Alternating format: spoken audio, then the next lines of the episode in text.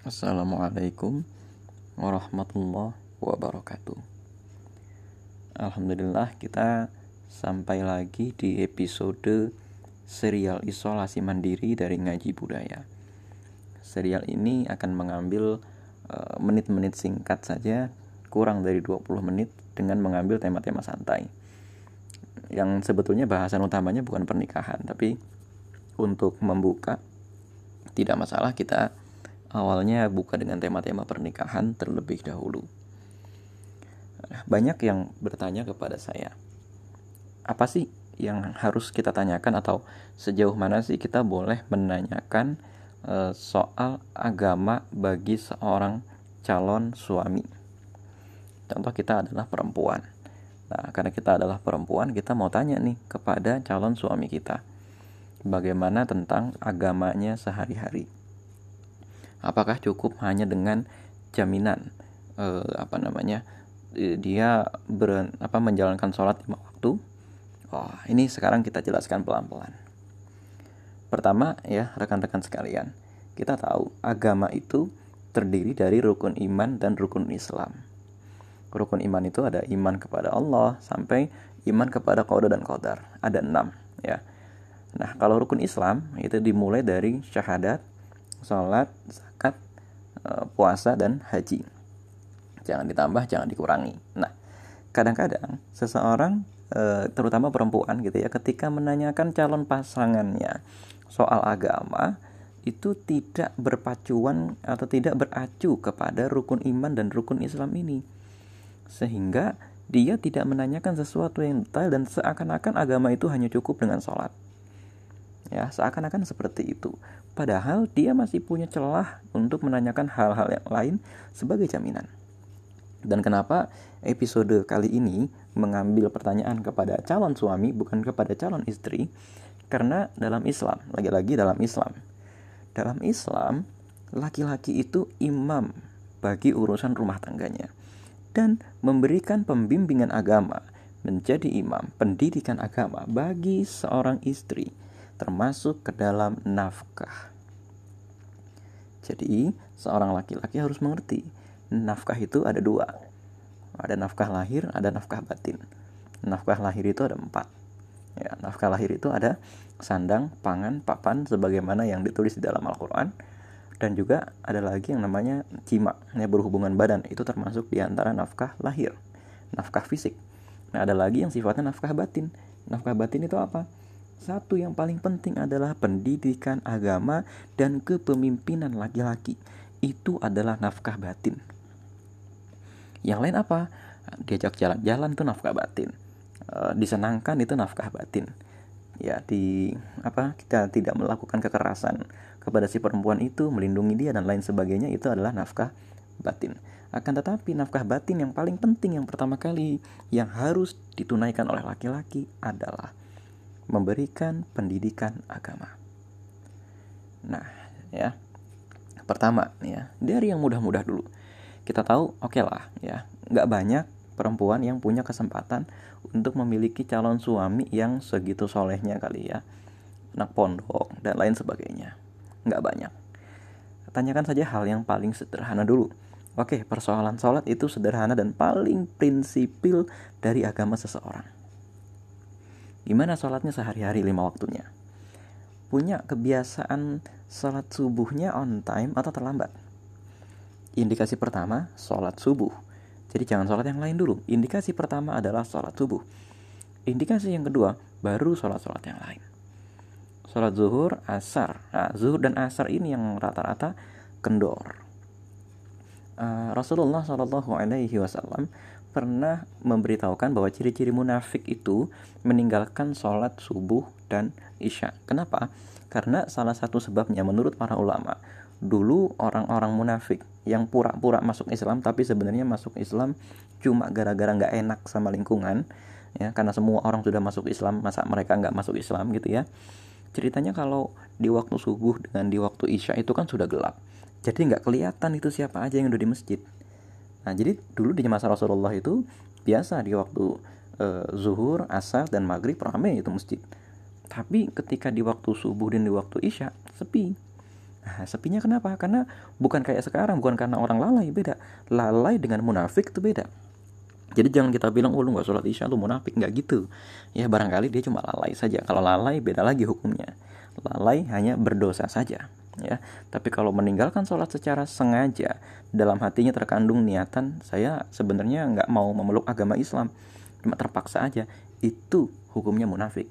Nah, jadi kalau orang zaman sekarang itu kan lalai ya asal usulnya adalah dulu sholat subuh dan sholat isya itu gelap gak ada lampu ya lampu paling obor obor itu kan nggak bisa secara jelas e, mencitrakan atau e, memberikan gambaran wajah manusia nah sehingga dengan itu orang-orang munafik ngumpet nggak kelihatan di rumah masing-masing Nah, itu sebabnya kenapa sholat subuh dan isya itu menjadi indikator seseorang terkena penyakit munafik di masa Rasulullah Shallallahu Alaihi Wasallam. Nah, eh, indikator yang lain ya setelah sholat kita tanya nanti sholat zuhur, eh, asar dan juga maghrib. Nah, kita tanya sholat zuhur dan asar ini biasanya orang sering terlambat ya. Uh, ada orang yang sering berdalih, oh makan siang aja dulu. Padahal ini kuncinya adalah di pengaturan waktu. Kan dia bisa makan siang jam sebelum atau 10 menit atau 15 menit sebelum sholat zuhur dan lain-lain sebagainya gitu kan. Nah setelah kita tanya persoalan sholat itu gitu ya baru kita tanya persoalan keagamaan yang lain. Apa itu yang menjadi ciri khas seseorang dekat dengan Al-Quran di masa sekarang atau dekat dengan agama di masa sekarang adalah dia punya kebiasaan membaca Al-Quran. Ketika ta'aruf dengan seseorang atau ketika seseorang itu datang ke rumah kita boleh kita tanya kepada dia soal Al-Quran.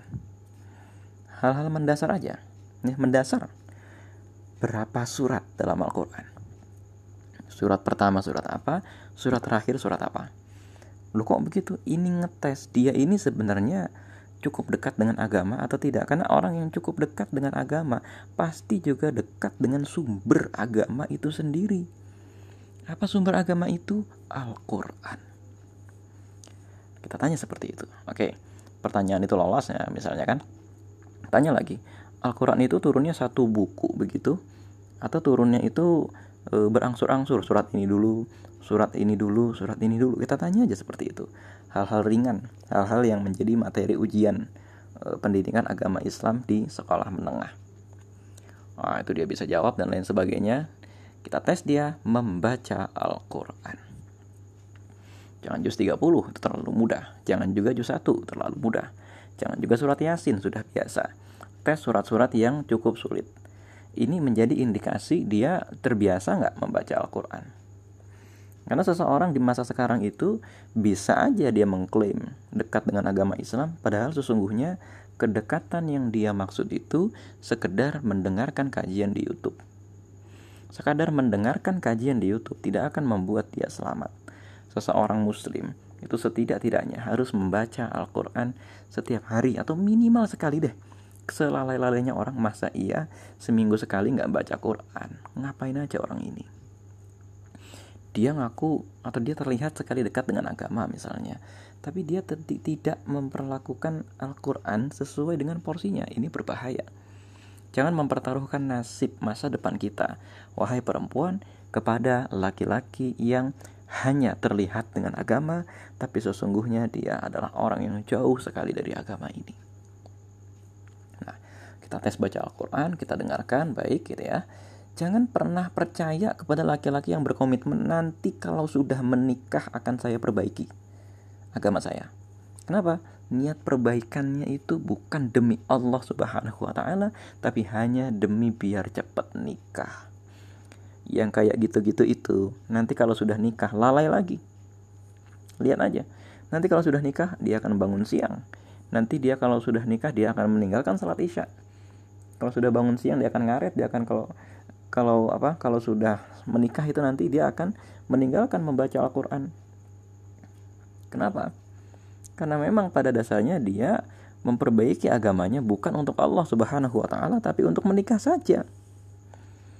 Nah, ini ini ada case gitu ya, contoh kasus. Jangan sampai perempuan itu gampang tergoda dengan laki-laki yang mengatakan, "Nanti kalau sudah nikah saya perbaiki." Kenapa tidak dari sekarang? Perbaikan agamamu itu untukku atau untuk Allah. Nah gitu ya. Yang ketiga sekarang selain Al-Quran dan sholat tadi yang pertama itu sholat kedua uh, Al-Quran. Nah, yang ketiga tes hafalan dia.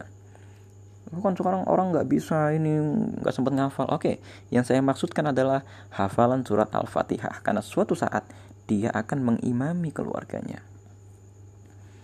Ya, kita dengarkan aja al-fatihahnya. Makanya nih yang perempuan uh, uh, pastikan mendapatkan calon suami yang minimal minimal deh bacaan al-fatihahnya itu lancar bagus gitu loh jangan bacaan al-fatihahnya masih tipe ya atau bacaan Al-Fatihahnya masih nggak beres, dia terima-terima aja. Akan menjadi penyesalan dalam hidupnya, apalagi kalau dia mencari imam. Dia mencari imam, tapi mendapatkan calon suami yang Al-Fatihah saja gak beres. Berurut dari Bismillahirrahmanirrahim sampai Zairil maghlubi alaihim walattalin. Amin. Selepas Al-Fatihah minimal kita tes dia itu sekitar 5 surat. Ya, apa saja itu? Tiga surat pertama itu jelas terikul. Kul huwallahu ahad, kul a'udzu birabbil falaq dan kul a'udzu birabbin nas. Dua surat yang lain terserah. Yang penting kalau sholat nggak terikul terus. At-takatsur kayak Al-Qari'ah kayak Al-Alaq kayak atau surat apa pun itu bebas. Yang penting tesnya minimal tuh 5 surat. Uh, dari mana nih rumusan 5 surat? Nggak dari mana-mana Rumusan lima surat ini, kesimpulan saya setelah ngobrol, ini paling ringan sekali bagi seseorang yang paling lalai dalam urusan agama, tapi ngakunya masih dekat dengan agama. Ini paling ringan sekali. Karena logikanya, seseorang itu ketika dia masuk SMA, itu dia menghafal beberapa surat. Al-Qari'ah, ya, At-Takatsur, Alam Asyrah, Ad-Duha, ya. Itu surat yang minimal harus dihafal.